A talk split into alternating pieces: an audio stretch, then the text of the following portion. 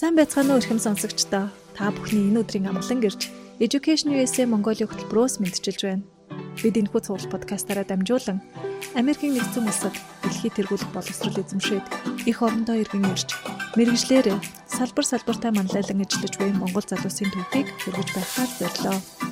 Та бүхэн бидний бэлтгэсэн явцлуудыг 7 хоног бүрийн даваа пүрэв гаргуудад хүлээн авч сонсоорой. Манай өнөөдрийн зочноор Зориг сангийн гүйцэтгэх захирал мөн хачтын марлмаа өргөдөн оролцож байна. Бидний урилгыг хүлээн авч хүрэлцэн ирсэн танд маш их баярлалаа. Сонсогчд маань та өөрийгөө танилцуулахгүй юу? Баярлалаа баярлалаа. Аа түрүү хэлсэн чинь марлмаа гэдэг. Би одоо Зориг санд ажилладаг.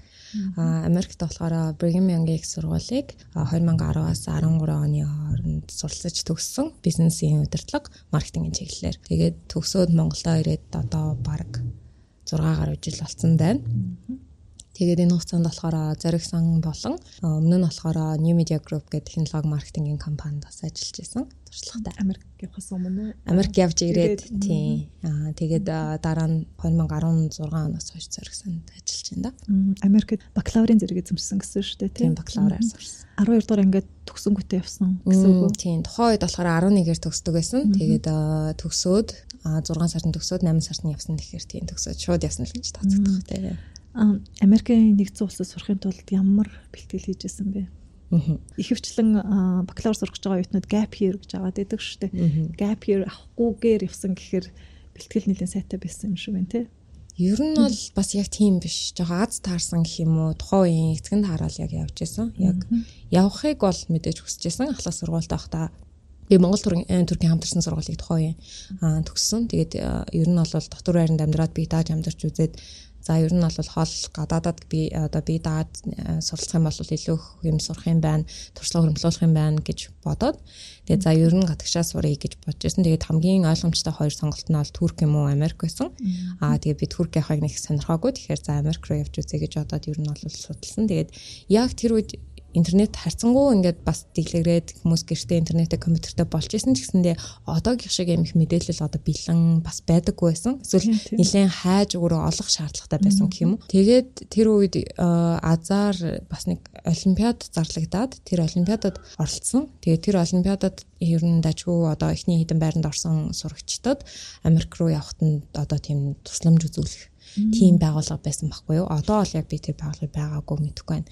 Тэгээд тэрний ачаар бас нэлээд их зүйл сурч авсан. Тэгээд аяг болон нөгөө коллежийн одоо аппликейшн бүрдүүлэх үедээ бол нэлээдгүй мэдээллийг тэндээс юу нь бол хөрөмтлөөсөн. Тэгээд түүнээс гадна бас нэг нэлээд дэмжлэг басан зүйл нь гэх юм бол а боловсролын зөвлөгөө мэдээллийн төв буюу одоо Educational Advising Resource Center гэдээ байдаг.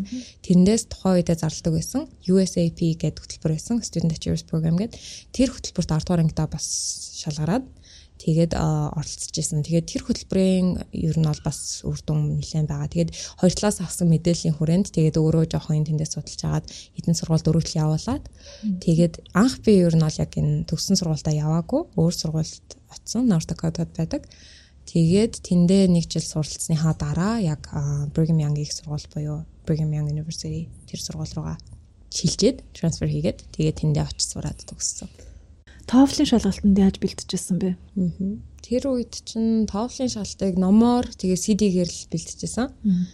CD аваад өөрөө хийж үзэл эхлээд paper based TOEFL өгөөд тэгээд бүр анх mock TOEFL өгөөд аягүй муу авчихсан санаж. Тэгээд өө TOEFL амар хэцүү юм байна гэдэг Тэгээд дараа нь paper based TOEFL өгчээсэн. Тэгээд USAP тэр нөгөө хөтөлбөрийн шуумаар бид нарыг TOEFL болон SAT өгүүлжсэн байхгүй юу? Тэгээд тэрний дагуу TOEFL өгөөд нэг 2 3 удаа өгч жагаад яг адмишны шаардлагатай нийцгөөс оноо аваад тэгээд тэрийгээ явуулж исэн сургуулиудаа. Тэгээ. Ер нь бол нэлээх үг цээжлэх тухайн үед л англи хэлийг яг асуус сургуулийн төвшөнд сурч исэн боловч бас яг хангалттай оноо авч чадахгүйсэн. Тэгээд нэлээд сайн бэлтгэл хэрэгтэй болсон л да. Тэгээ одоо үед бол тийм нөөц болцоо одоо сурахад шаардлагатай зүйл бол аюу их нээлттэй байдаг болсон юм байлээ. Онлайнаар ч тийм онлайнаар ч тэр би дагаад сурсан ч тэр эсвэл бүр курсууд одоо бас аюу их байдаг. Тэр үед чинь тийм курс гэсэндээ олон одоо байсангүй тийм яг үнэ. Тэгээ хичээлийн хажуугаар бас курсд явна гэдэг бас ялангуяа Монгол Туркэд сурж байхад чинь хичээлийн ачаал маш их байсан баг. Ер нь өдөрт хэр орчим хугацааг TOEFL-ийн бэлтгэл зарцуулж хэдэн сар бэлдвэж ил. Оо одоо яг сайн тэгж санахгүй байна. Гэхдээ сургуулийн ачаал бол ер нь бол их байсан. Ялангуяа ахлах ангид бол бид нар чинь бас давхар ээжд бэлдэн хөгөөгөөс үл хамааран. Тэгээ хажуугаар нь SAT-д бэлдэн. TOEFL-аас илүү SAT-д бэлдсэн. Тэгээд SAT-д бэлдэнгүүт э, ялтч нөгөө TOEFL-ийн оноон дагаад харцсангуу сайжирчж хамлаа SAT- нь хамаагүй хэцүү болохоор тийм байдлаар л ер нь бол бэлдсэн. Тэгээд яг найзуудаараа бид нар нэг ном аваад хагас бүтэн сайн суугаал хаяа бэлддэг байсан. Тэгээд нэлээд л их цаг орсон гэхдээ яг үр дүндээ давцсан хугацаанаас хэдийн гэдгийг хэлэхэд болж байгаа хэцүү тийм. Ерөнхийдөө биед ажил их бэлдсэн юм биш үү те. Тийм. Сургууль гэхээс илүүтэйгээр. Тийм яг найзуудаараа л ахлах сургуулаараа бүгдээрээ нэг гадагшаа авъя гэж ойл бодсон хэдэн хүмүүс нийлээл багш нараасаа зөвлөгөө аваад тэгэл яг нэг английн олимпиад оролцдог байсан. Тэгээ тэрнийхээ дагуу бэлдэх маягтай л явчихсан да. Америк сурах шийдвэр гаргахад хэн юу хамгийн их нөлөөлсөн гэж боддог байж юм? Аа. Манай аав ээж хоёр ер нь бол айгуу тийм чөлөөтэй айгуу дэмждэг. Юу хийн гэсэн тэрийг айгуу их дэмждэг тийм хүмүүс. Тэр тутгаараа одоо Монгол Туркийн сургуульд сурж байхдаа дотор байранд амьдарч агаад а ер нь ингээд гэрээсээ хол яхаар гоё гэж хэлэх нь одоо муухайх. Гэтэ бие дагаад ингээд үеийнхээ залуучуудтай байх ер нь айгуу гоё юм байна. Өөрөө илүү их юм сурт юм байна. Тэгээ заавал гэртээ байгаа аав ээжгаа хажууд одоо ингээд байгаад хахаар хүн их тэгж хөвчдгүн мэн гэж бодоод. Гэтэ тэр тухайн үе тэрнийх амар хумсгартай тийм шийдвэр одоо би одоо Америк явна гэдгээс илүү зөвөр би гадагшаа яваад би дааж амьдарч үзье, сурч үзье гэсэн бодлоор л ер нь бол анх тэр шийдвэрээ гаргасан. Тэгээд дотор байранд амьдэрсэн нь хамгийн их нөлөөлсөн баг. Яг би дааж амьдарч үзсэн анхны туршлага нь. Тэгээд өрөөндөө 8 охинтой үед ингээ охинтой амьдрахаар чи ингээд амар том туршлага болж байгаа байхгүй айгүй хэм сурж байгаа хүмүүжил талаасаач. Тэгэл за Америк руу хэрвээ би дагаад явбал би бүх зүйлээ ганцаараа хийн. Мэдээж хэрэг аав ээжийн тусламж байгаа. Гэхдээ өдөр тутамдаа ганцаараа шийдэх чинь айгүй том хариуцлага юм байна. Тэгээд энийг хийж үзээл гэсэн зорилгоор ер нь аль шийдсэн. Америк сурах сургалтынхаа зардлыг хаанаас гаргасан бэ?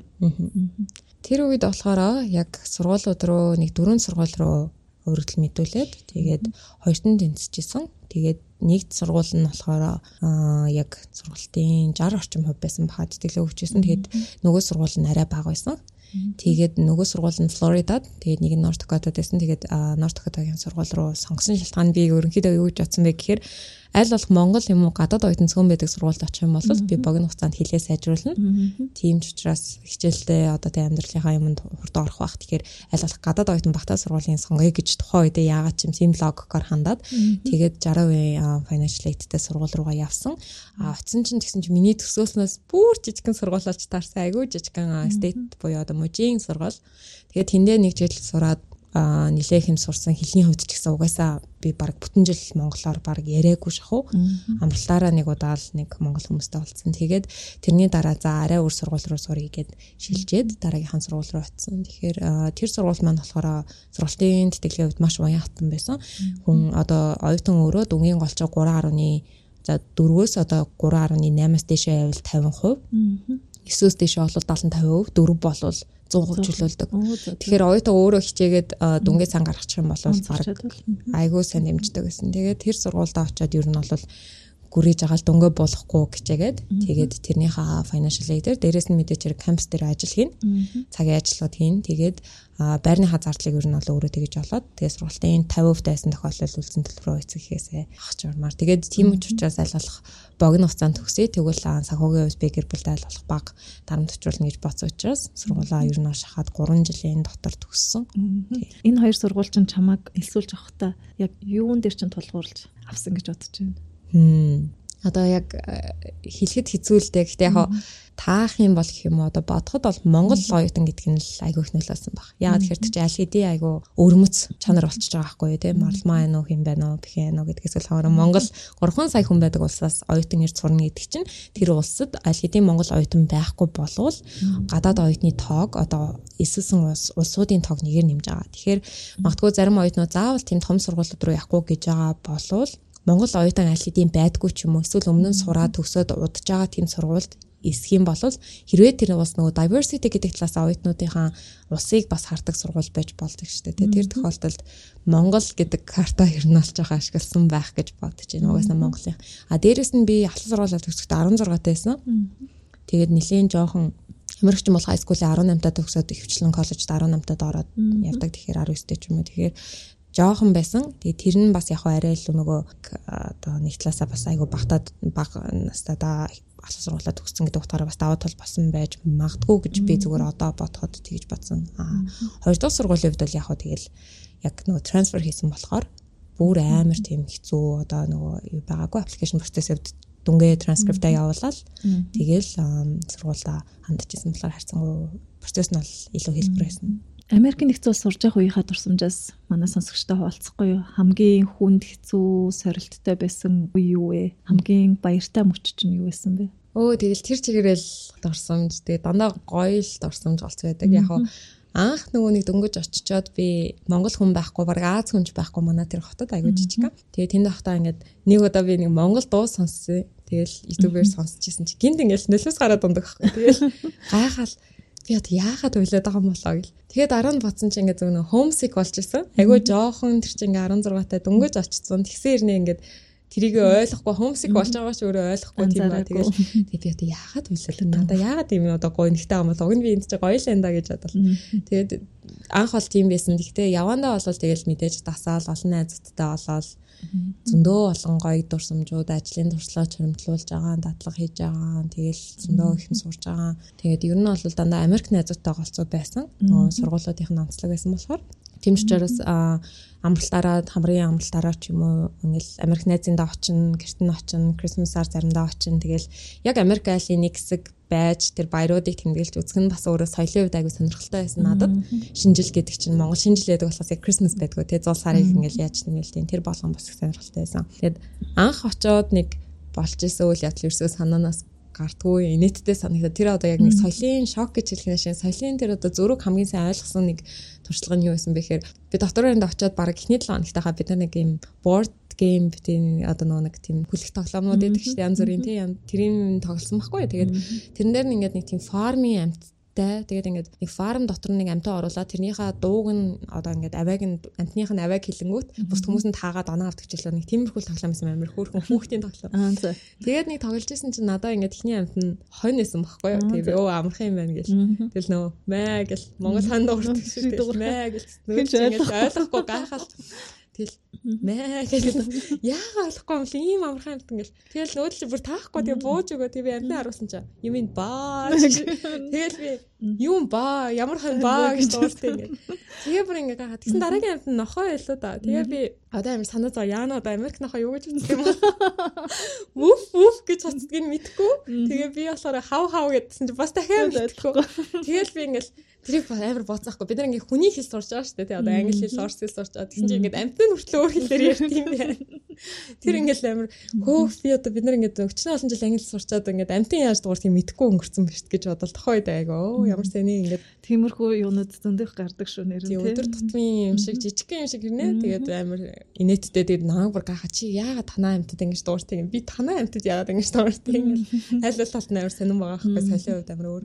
Харин тий манайх ч одоо зам дээр нөгөө нэг хүүхдүүд тоглолт гэдэг чинь дээд дээд сигнал дуурч шүү гэж харин тий. Дээд дээд гэхэд юунууд Америкчууд Хонг Конг жишээтэй тэгсэн чинь өнгөрчөд Чингилинги оо тэр тэр бүр шал өөр юм байна тий. тэгээ өөр өөрөөр хэлдэг байгаа хгүй айгүй нэдтэй тиймэрхүү ялгаа бас байна байдаг. Зөндөө байдаг.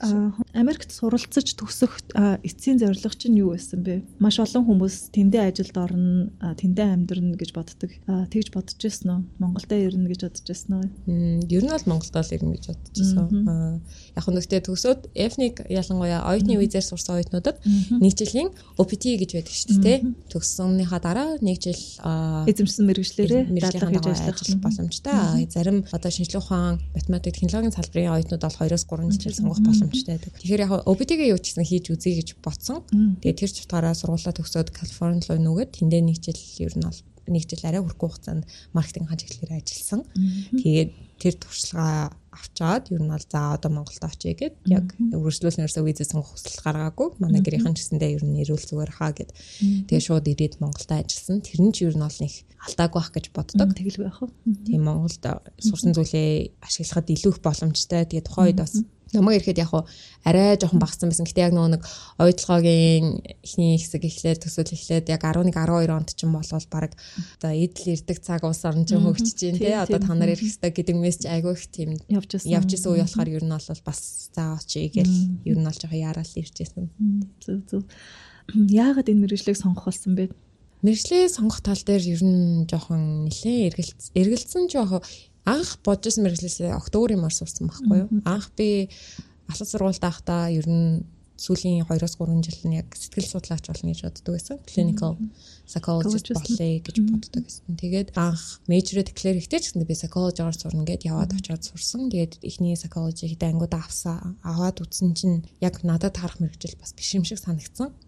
Дээрэс нь яг би хүн зөвлөх хэмжээний сэтгэл зүйч болъё гэвэл дор хаяж магистрт мастертай тэгээд PhD ч юм уу тий. Дахиад олон жил тэгээд ер нь нэлээ академик чиглэлээр явах шаардлагатай гэдгийг ойлгоод тэгээд за тэр яг миний хувь хүнд одоо дээрэс нь таарах уу яг явах байгаа тэр career-ийн trajectory дээр таарч гэнэ үг гэхээр үгүй байсан. Тэгээд за тэгвэл одоо ингээд pivot хий тий өөрчлөе яах уу юугаар сурах уу гэд. Тэгээ аавч хоёрлогоо ер нь би ингээд мэрэгчлээ саллаа гэсэн чи за тэгэл өөрөө яг бодож байгаа шийдвэр гарахгүй даа яа тий чиний шийдвэр бол тэгэл чамдалцсан юм чинь гэд. Тэгээд ганц хоёр хүмүүстэй ярилцж агаад сэтгэл судлал яг тэр чигээрээ биш ч гэсэндээ сэтгэл судлалын зарим элементүүдийг багтаасан. Тэгээд миний хувь хүний одоо нийтж олонтой ажиллах бай хүсэл сонирхол нийцсэн мэрэгжил юу вэ гэж бодож үзэж агаад яг маркетинг харилцааны мэрэгжил зүгээр юм байна. Гэт ер нь бол мэрэгчлээ сонгосон. Тэгээд а psychology байсан хэдэн ангиудад тооцоолаад ер нь бол цаашаага ингээд явсан. Тэгэхээр бол нэг тэгж сэрнэр хугацаа алдаагүй мэрэгчлээ сонгосон гэсэн тийм. Тэгээ ер нь бол Америк сурахын хамгийн гол даваа тал чинь одоо нөө liberal arts боловсрол шүү дээ тийм. Заавал манай одоо манай сургууль ч гэсэн сүлээдэний дагаад өөрчлөгдөж байгаа. Заавал их сургуульд орохдоо та 100% шийдсэн байх хэрэгтэй биш тийм. Ялангуяа олон талын одоо ангиуд аваад хөгжим тийм одоо юу гэдэг уран зохиол, философи тийм хүмүүнлэгийн олон төрлийн салбарыг таньж мэдснийхаа дараа сонголтоо хийх нь нэг талаасаа тэр хүнд айгаа олон боломжийг олж харахад нь тусалдаг.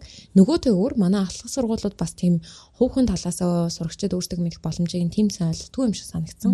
Ялангуяа өөрийнхөө туршлага дээр үнэлж ярихад тэгээд ер нь бол за 1 2 жил өөрийгөө жоохон таньж мэдээд гэрээсээ хол байгаад олон хүмүүстэй юм яриад нэгээд одоо мэдээлэлээ ч гэсэндээ тэлээд үүний дараа сонголтоо хийх юм бол арай тэр нэг тийм зөв сонголт байх боломжтой юм шиг санагдсан. Тэгэхээр Америкт сурахаар бодож байгаа залуучууд тэрээр сонсож байгаа бол ялангуяа ахлах сургууль мэрэгчлээ сонгоогүй гэж амар сандрах юм бол хэрэггүй. Их сургуульд орохдоо андеклэр байдлаар яваад оцсон хойноо илүү өөрийгөө таньж мэдээ сонгоход бол нэг яарах шаардлагагүйгээр шийдэх боломжтой нь бас даваа тал шүү гэж хэлмээр байна. Намайг Америкт сурж байхад манай нэг найз ирсэн л та 2 жилийн дотор 8 удаа мейжрээс салсан гэд баг. Тэр бол арай.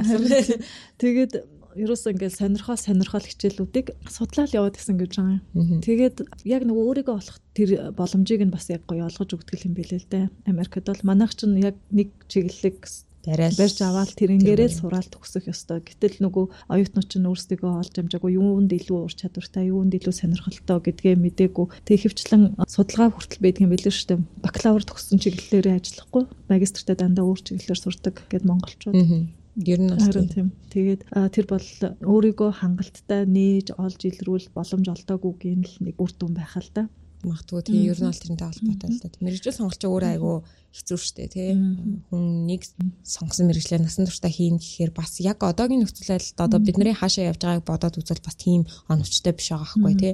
Бид нэр за одоо ингээд дундаж наслалт нэмэгдэж байгаа тий одоо явандаа тэтгэврийн нас гэсэндээ хойшлоо байх. Тэгэхээр 40 жил хүн хийх ажлаа зүгээр нэг одоо 18 жилийн боловсролын туршлага дээр үндэслэж шууд сонгох гэдэг бол угаасаа ер нь бол жоохон хэцүү. Тэгэхээр нэгдүгээрт бас сайн мэдээ гэх юм бол одоо бол нэлээд хөрвөх чадвартай байхтал ер нь бол заавал мэрэгжил бүр 100% одоо тийгүүхтэн чи бүр нарийн мэрэгчлэл биш бол те мэдээч хэрэг одоо маркетингаас сурчаад химийн лабораторид ажиллана гэж бол байхгүй тий. А тэгэхээр шинжилгээ ухааны салбар бол мэдээж үргэлж нарийн хэвээрээ байх баха. Гэхдээ ерөнхий хүмүүнлэгийн салбар бол дотроо хөрвөх чадвар бол харьцангуй сайн бах гэж боддог шүү. Тий. Тэгэхээр хүний зүгээр өөрийн нөгөө нэг soft skills гэж ярьдаг тий.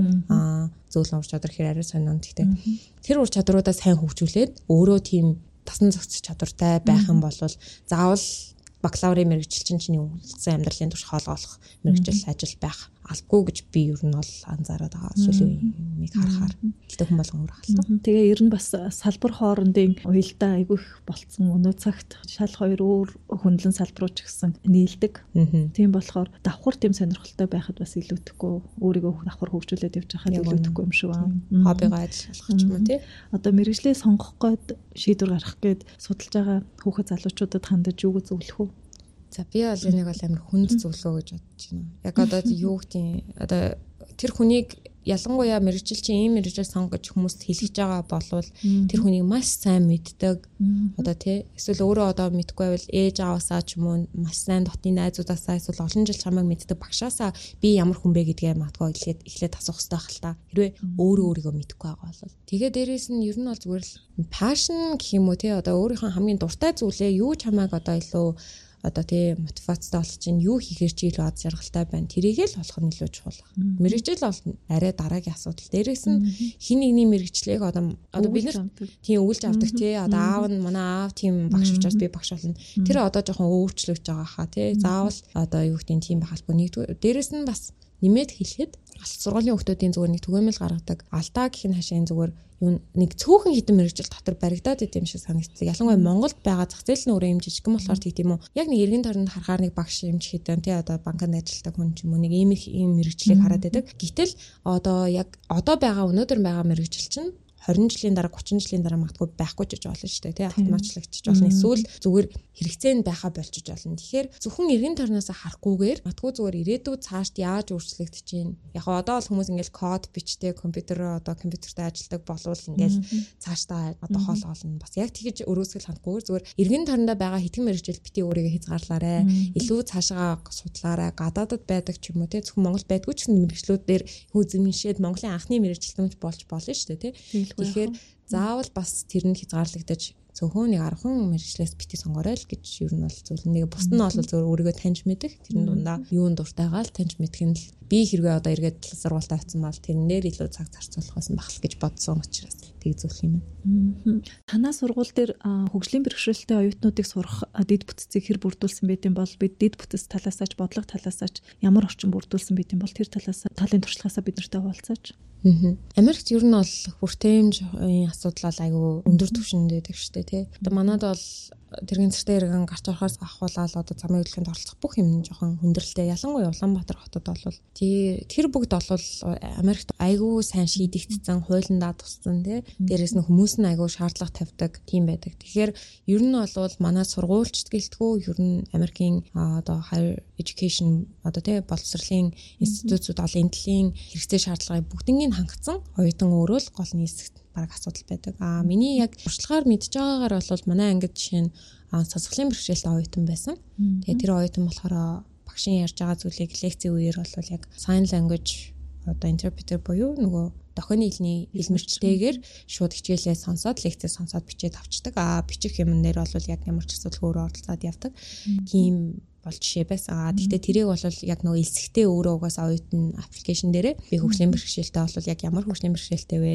Одоо сурахад надад ямар хүндрэл учирдаг вэ гэдгээ өөрөө маш сайн тодорхой илэрхийлжингүүд сургууль нь хэрвээ одоо тэр оюутныг авчих юм бол тэр суралцах талаас нь айгүй олон талаас нь тусалж дэмждэг. Манай сургуулийн хувьд бол би бол тэрийг тийм жишээгээр мэднэ.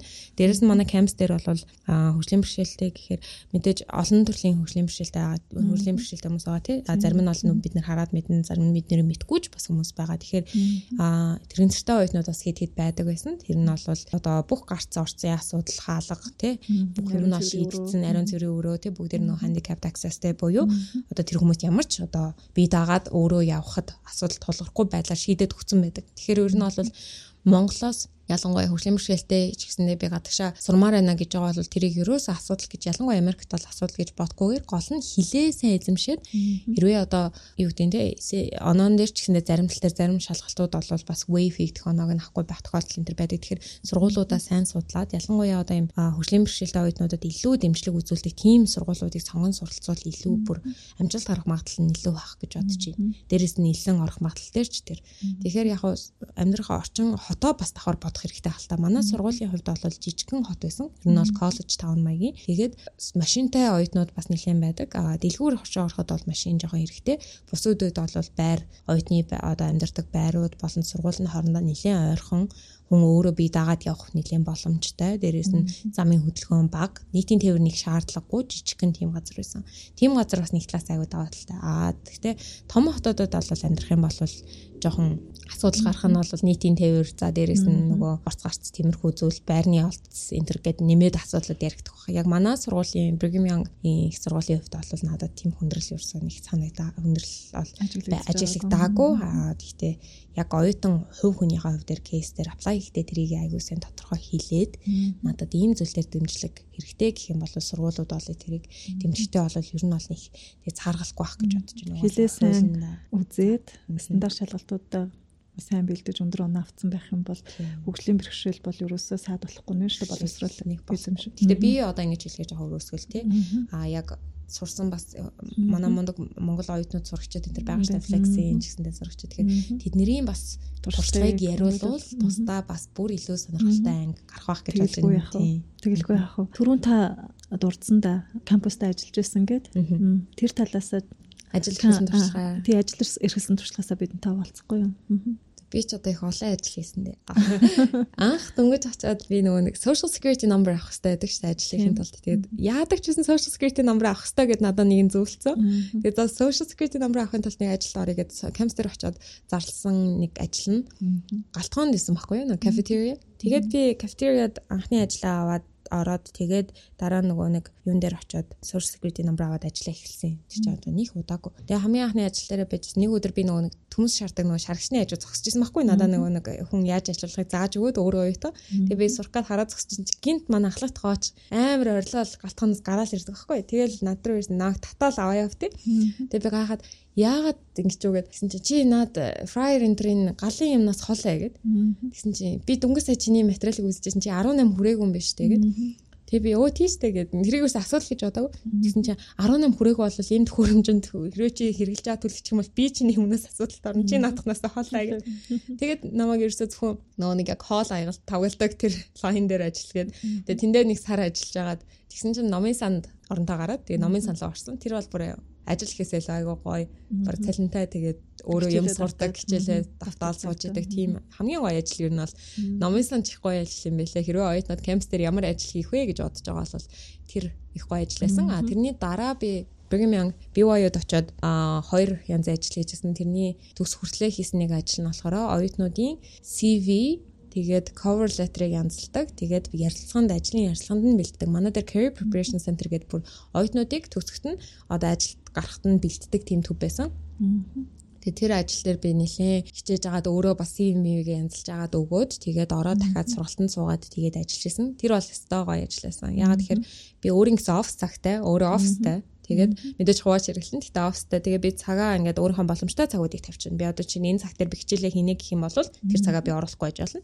Тэгэнгүүт оюутнууд төгсгөх байгаа ялангуяа одоо sophomore, junior тэгээд senior оюутнууд маань нөгөө ажилд одоо яг ханддаг цаг нь учраас дадлах ч юм ханддаг цаг нь учраас CV-г янзлах хэрэг гардаг. Одоо зөвлөгөө авах. Тэнгүүт нь бид нар дээр харж байгаа цагаа аваад тэгээ бидний боломжтой цагаар ирээд CV-гээ анхны шатны драфтаа авчираа тэгэнгүүт нь бид нар тэр CV-н дээр нь зөвлөгөө өгдөг.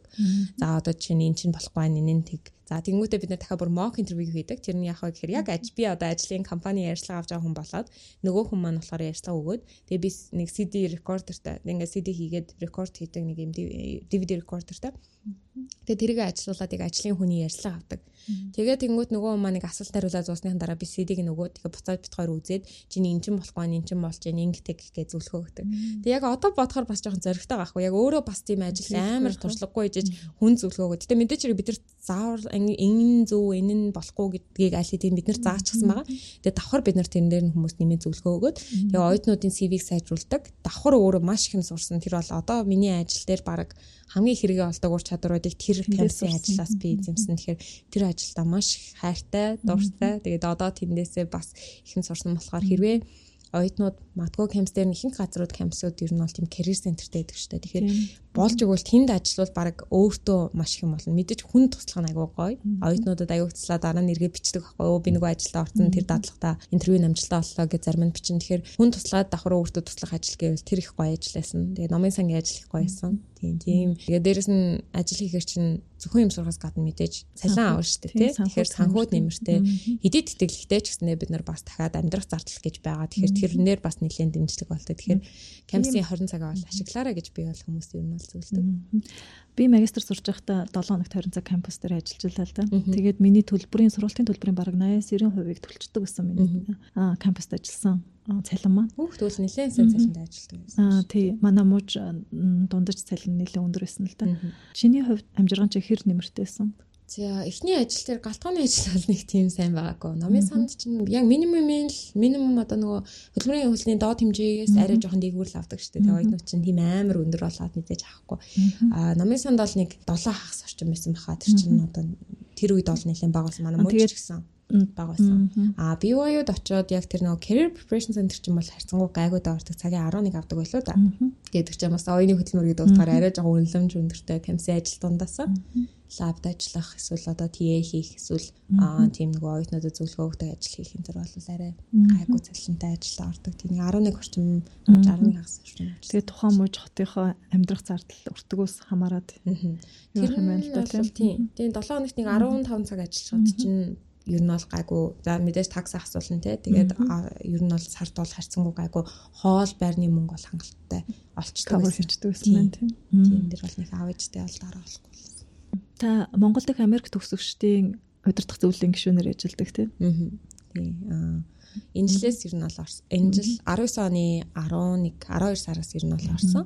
Тэгээд Америк төгсөгчдийн холбоонд ер нь бол тэр дунд удирдах зөвлөлт нь яг яагаад орё гэж бодсон бэ гэхээр нэгдүгээр одоо энэ чинь ингээд нэг газар төгсөөд богино шив авт хугацаа гарч бай ингээд амьдраад үтсэн хүмүүсийн хувьд нэг ойлголтын хувьд ч юм уу те арай бас төстэй болчтой юм шиг санагдсан. А гэхдээ тэр нь яг өөрийгөө өөртөө адилхан хүмүүсээр хүрээлүүлнэ гэсэн утгаар биш л дээ. Илүү зүгээр нөгөө Америкт ямар байдгийг мэдээ. Тэгэхээр одоо чи нөгөө inside joke гэдэг шиг те одоо Америкт оюутан байхад өө тэр нь гоё яж илээ, тийм байж илээ гэдээ ярихад хүртэл нэг арай ойр байдаг те. Тэгэхээр тэр утгаараа бас нэг ижил одоо нөгөө similar minded те тиймэрхүү хүмүүстэй нэг орчинд ороо. Тэгээ дээрэс нь хамгийн гол масса ч бас нөгөө volunteerism буюу одоо сайн дурын ажлыг түгээн дэлгэрүүлэх те залуучуудыг татан онцлуулах тэр талаар нэлээд анхаарч ажилладаг нэг таалагдсан.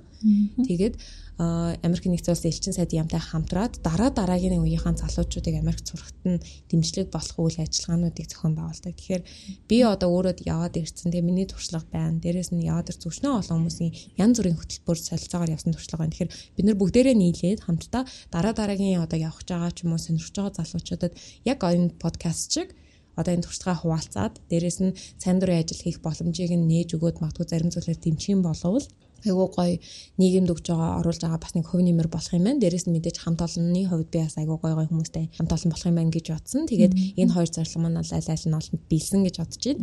Масагийн өдөрсөх зүйлс маань маш олон янзын одоо мэрэгжилтэй, түүхтэй хүмүүс байдаг. А гэхдээ бид нарыг баг болоод ажиллахаараа одоо агуу гой гой зүйлийг хийхээр төлөвлөж гин хийж гин а харамсалтай нь яг одоогийн нөхцөл байдалд одоо нөгөө ковид 19-с болоод зарим ажлууд маань жишээ нь хойшлогдсон. Бид нэр орон нутгаар явж одоо аймагуудын ихтэй сургууль болон галт сургуулийн оюутнуудтай туршлага хуваалцаад одоо энэ нөгөө нэг Америк нэгдсэн улсын элчин сайдын яамнаас зарлагддаг хөтөлбөрүүдийн талаар мэдээлэл болон өөрсдөө яаж өргөдөл мэдүүлжсэн тэр туршлагуудаа хуваалцъя гэсэн агуу гой том ажил төлөвлөсөн байсан маань хойшлогдчихлоо. Гэхдээ бас цаашдаа угаасаа хэрэгжих нь тодорхой. Тэгэхээр энэ мэт олон ажлуудыг хийхэд айгуу гоё тэр бол миний зүгээс оруулж чадах, хийж чадах нэг хувь нэмэр гэж харсан учраас алмаасад орсон. Тэгээд удирдах зүйлийн хувьд бол бид нар нэлээ том баг байгаа. Тэгээд хүн болгон өөрөөр ингэсэн бас хариуцсан ажил төслүүд дээр хуваагаад орж байгаа. Миний хувьд бол яг энэ жилийн хувьд бол нарийн бичгийн үргийг гүйцэтгэж байгаа. Энэ жил одоо хурдан ер нь бол хөл хариу тавигдчихвал ажлуудаа бас төлөвлөсөн ажлуудаа хийгээд ер нь тэгсэн ядаа хүлээж байна. Зөв зөв. Зориг сан дээр ямар төсөл хөтөлбөрөд хэрэгжиж байна? Ер нь залуучууд залуучууд руу хандсан маш олон төсөл хөтөлбөр хэрэгжүүлсэн байгууллага шүү дээ. Аа зориг сангийн хувьд зарим талаараа бас education USA-тэй ер нь бол төстэй шүү. Аа яг бид нар бол яг Америк явна явуулна гэдэг дээр бол тусалдаггүй ч гэсэндээ манай зарим нэг алхас сургуулийн хөтөлбөр дээр гадны ихтэй сургууль эсэн орохыг сонирхож байгаа оюутнуудыг бэлдэх зорилготой залуу эрдэмтэн Young Scholars Program гэдэг хөтөлбөр байдаг. Зуны За түүнээс гадна Student Exchange Program буюу сурагч залцааны хөтөлбөр маань болохоор Улаанбаатар Дэнүр хоёр ихчдөөс хотын хоорондын Монгол сурагчдын солилцооны хөтөлбөрийг бид нэр жишээ зохион байгуулдаг. Яг Америк сурагтай холбоотой гэвэл илүү сонирхолтой байх гэдэг үгээс. А үүнээс гадна манай дээр бол жилдээ 15 орчим богино болон урт хугацааны манлайллын болон хувь хүний оролцооны хөтөлбөрүүд ер нь бол хэрэгждэг. За заримаас нь одоо жишээ нь дурсах юм бол захлах сургуулийн залуу эрдэмтэн хөтөлбөр байна, сурах залсын хөтөлбөр байна. Оюутнуудад гэх юм бол швейцарын хөгжлийн агентлагтай хамтарсан манай оюутны дотоодын оюутны тэтгэлэг хөтөлбөр байдаг. За үүнээс гадна бас Ламенза сангийн тэтгэлэг хөтөлбөр гэдэг байгаа. За тэгээд арчлал зөвний төслөн гээд одоо залуу оюутнуудад бид нар арчлалын талаар сурч мэдгэхтэн зориулсан зуны хөтөлбөр байна. За төгсөөд ажил дээр гарсан карьераа эхлүүлээд явж байгаа залуу мэрэгчнүүдэд зориулсан young young Leaders program буюу залуу манлал хөтөлбөр за байгаль орчны манлал хөтөлбөр гэдээ байгаа. Байгаль орчин сонирхолтой сонирхолтой. Энэ чиглэлээр төслөөр хөгжүүлэх хүсдэг залуучуудад зориулсан хөтөлбөр байна. За тэгээд үүнээс гадна карьерийн одоо нэлийн бас ахмад төвшин гэх юм уу одоо дараагийн төвшин mid level те тийм хүмүүс зориулсан Австралийн эцсийн стадиамтай хамтран хэрэгжүүлдэг эмгтээчүүдийн манлайлал хөтөлбөр байгаа. За тэгээд эдгээр хөтөлбөрүүд урт хугацааны учраас илүү Улаанбаатар хотод орчин суудаг залуучуудад чиглэдэг. Тэгээд тийм учраас бид нар бас нөгөө орон нутагт байдаг залуучуудаас нэлээд хүсэлт авдаг. Тэгээд бид нар бас хөтөлбөрт хамрагдмаар байна гэд. Тэгээд үүний дагуу бид нар болохоор байгаль орчны хөтөлбөр болон манлайллын хөтөлбөрүүдээ орон нутгийн залуучуудад зориулаад 2-7 хоногийн дөрвчлсэн бөгөөд нэлээд шахуу тийм хөтөлбөртэйгээр хийдэг. Тэгээд эдгээр хөтөлбөрүүд маань эмгтээчүүдийн орон нутгийн эмгтээчүүдийн хөтөлбөр байна. Орон нутгийн байгаль залуучуудын байгаль орчны манлайлал хөтөлбөр хөтөлбөр байна. Гэх мэтчлэн ингээд маш олон хөтөлбөрүүд бол хэрэгждэг. Тэгэхээр би бас одоо бүгд ингээд ярихаасаа илүү зөвөр зориг сангийн манай Facebook page байдаг Зориг Foundation мөн Instagram дээр бас байгаа Зориг сан цэгэмэн гэдэг манай вебсайт байгаа. Тэгэхээр энэ бүгд их сурвалжууд руу орох юм бол манай дээр ямар ямар хөтөлбөрүүд хэрэгждэг талаар хэрвээ сонирхч ивэл илүү дэлгэрэнгүй мэдээлэл аваад дээрэс нь хизээ ер нь бол хамрагддгийг хизээ зарлагддгийг тэр талаар нь бас илүү тодорхой тодорхой мэдэх боломжтой гэдгийг бас хэлье. Мм за баярлалаа. Гин дараагийн дугаарт ямар хүнийг зочноор ороосаа гэж санал болгомоор байна. Подкастын дараагийн дугаарт зөндөө олон юм байна да.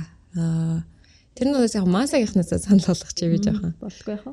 Номин гэж санал болгомоор байна. Таш намын номин хуульч. Тэгээд өөрөө болохоор яг хуулийн чиглэлээр магистра хийсэн гэж би санаж ин Аризонад ажиглаад хахад бакалавраар сурах, магистраар сурах талаар мэдээлэл нэлээд байдаг гэрнээ ангаах хуулийн чиглэлийн мэдээлэл айгу хомсэд юм шиг санагдсан. Тэгэхээр LLM одоо тий яг нөгөө хуулийн зэрэг авахын тулд ер нь Америкт яаж сурдیں۔ Дээрээс нь Америкт сурсан хууль Монголд ажиллахад ямар хуу байдлаар тусч ийн гэдгийг бас сонирхох хүмүүс нэлээд байж магадгүй хуулийн чиглэлээр. Тэгэхээр би яг наминг болол санал болгоно хуулийн чиглэлээр яриасаа гэж. Танд маш их баярлалаа. Баярлалаа баярлалаа. А бидний урилгыг хүлээ хүлээн авч өнөөдөр манай студид хүрэлцээрсэн танд маш их баярлалаа. Таны цаашдын ажил үйлсд өндөр амжилт хүсье. Манай өнөөдрийн дугаарт Масагийн удирдах зөвлөлийн гишүүн Зориг сангийн гүйцэтгэх захирал мөн хачтын марлмаа оролцлоо. Америкийн нэгдсэн улсын засгийн газраас санхүүжүүлдэг Education USA Mongolia хөтөлбөрийн хэрэгжүүлэгчээр Монгол дахь Америк төгсөгчдийн холбоо ажиллаж байна та Америкт ихтэй сургуульд хэрхэн суралцах тухай цогц үнэн зөв мэдээллийг үн төлбөргүй авахыг хүсвэл Education USA Mongolia хөтөлбөрийн боловсролын зөвлөгүүдэд хандаарай. Бидэнтэй холбогдохыг хүсвэл www.masa.org цэгийн цахим хуудасаар хандж болохоос гадна Facebook, Twitter, Instagram дээр Education USA Mongolia-г дагаарай. Ирэх пүрэв гарагт иргэн уулзлаа. Түр баяртай.